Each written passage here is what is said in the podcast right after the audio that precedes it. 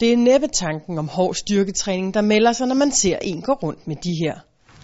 Det gik rigtig fint med at komme på skiene igen, når jeg var begyndt at, at hoppe lidt, lidt langt. Og så lige pludselig en landing, så får jeg bare et vrid i mit knæ, så lidt ud af den blå luft. Og så en proteinshake. Men det er ikke desto mindre, hvad vandskihopperen Maj Lund Jebsen har på programmet i de seks uger. Det tager hendes knæ at komme sig over en slem meniskade, hun fik på en træningslejr i USA. I forhold til at være en vandskihopper, så kan jeg nå ingenting.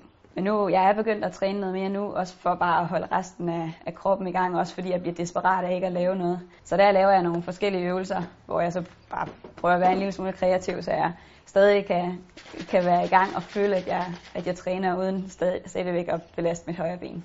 Har det hele.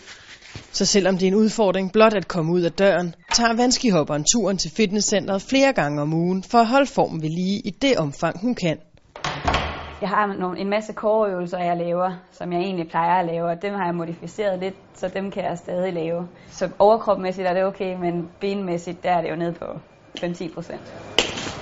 Det hele, det foregår virkelig langsomt.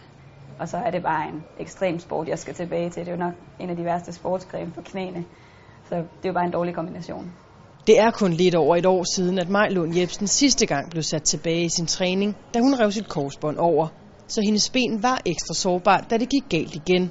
Men hun er fast besluttet på at træne sig tilbage i stor form.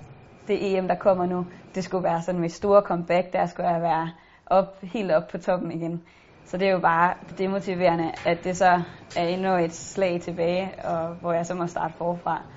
Men på den anden side, så kommer der et nyt EM, og jeg ved, at jeg nok skal komme tilbage. Så efterårssæsonen, den satser jeg på, at der kan jeg begynde at være lidt med igen.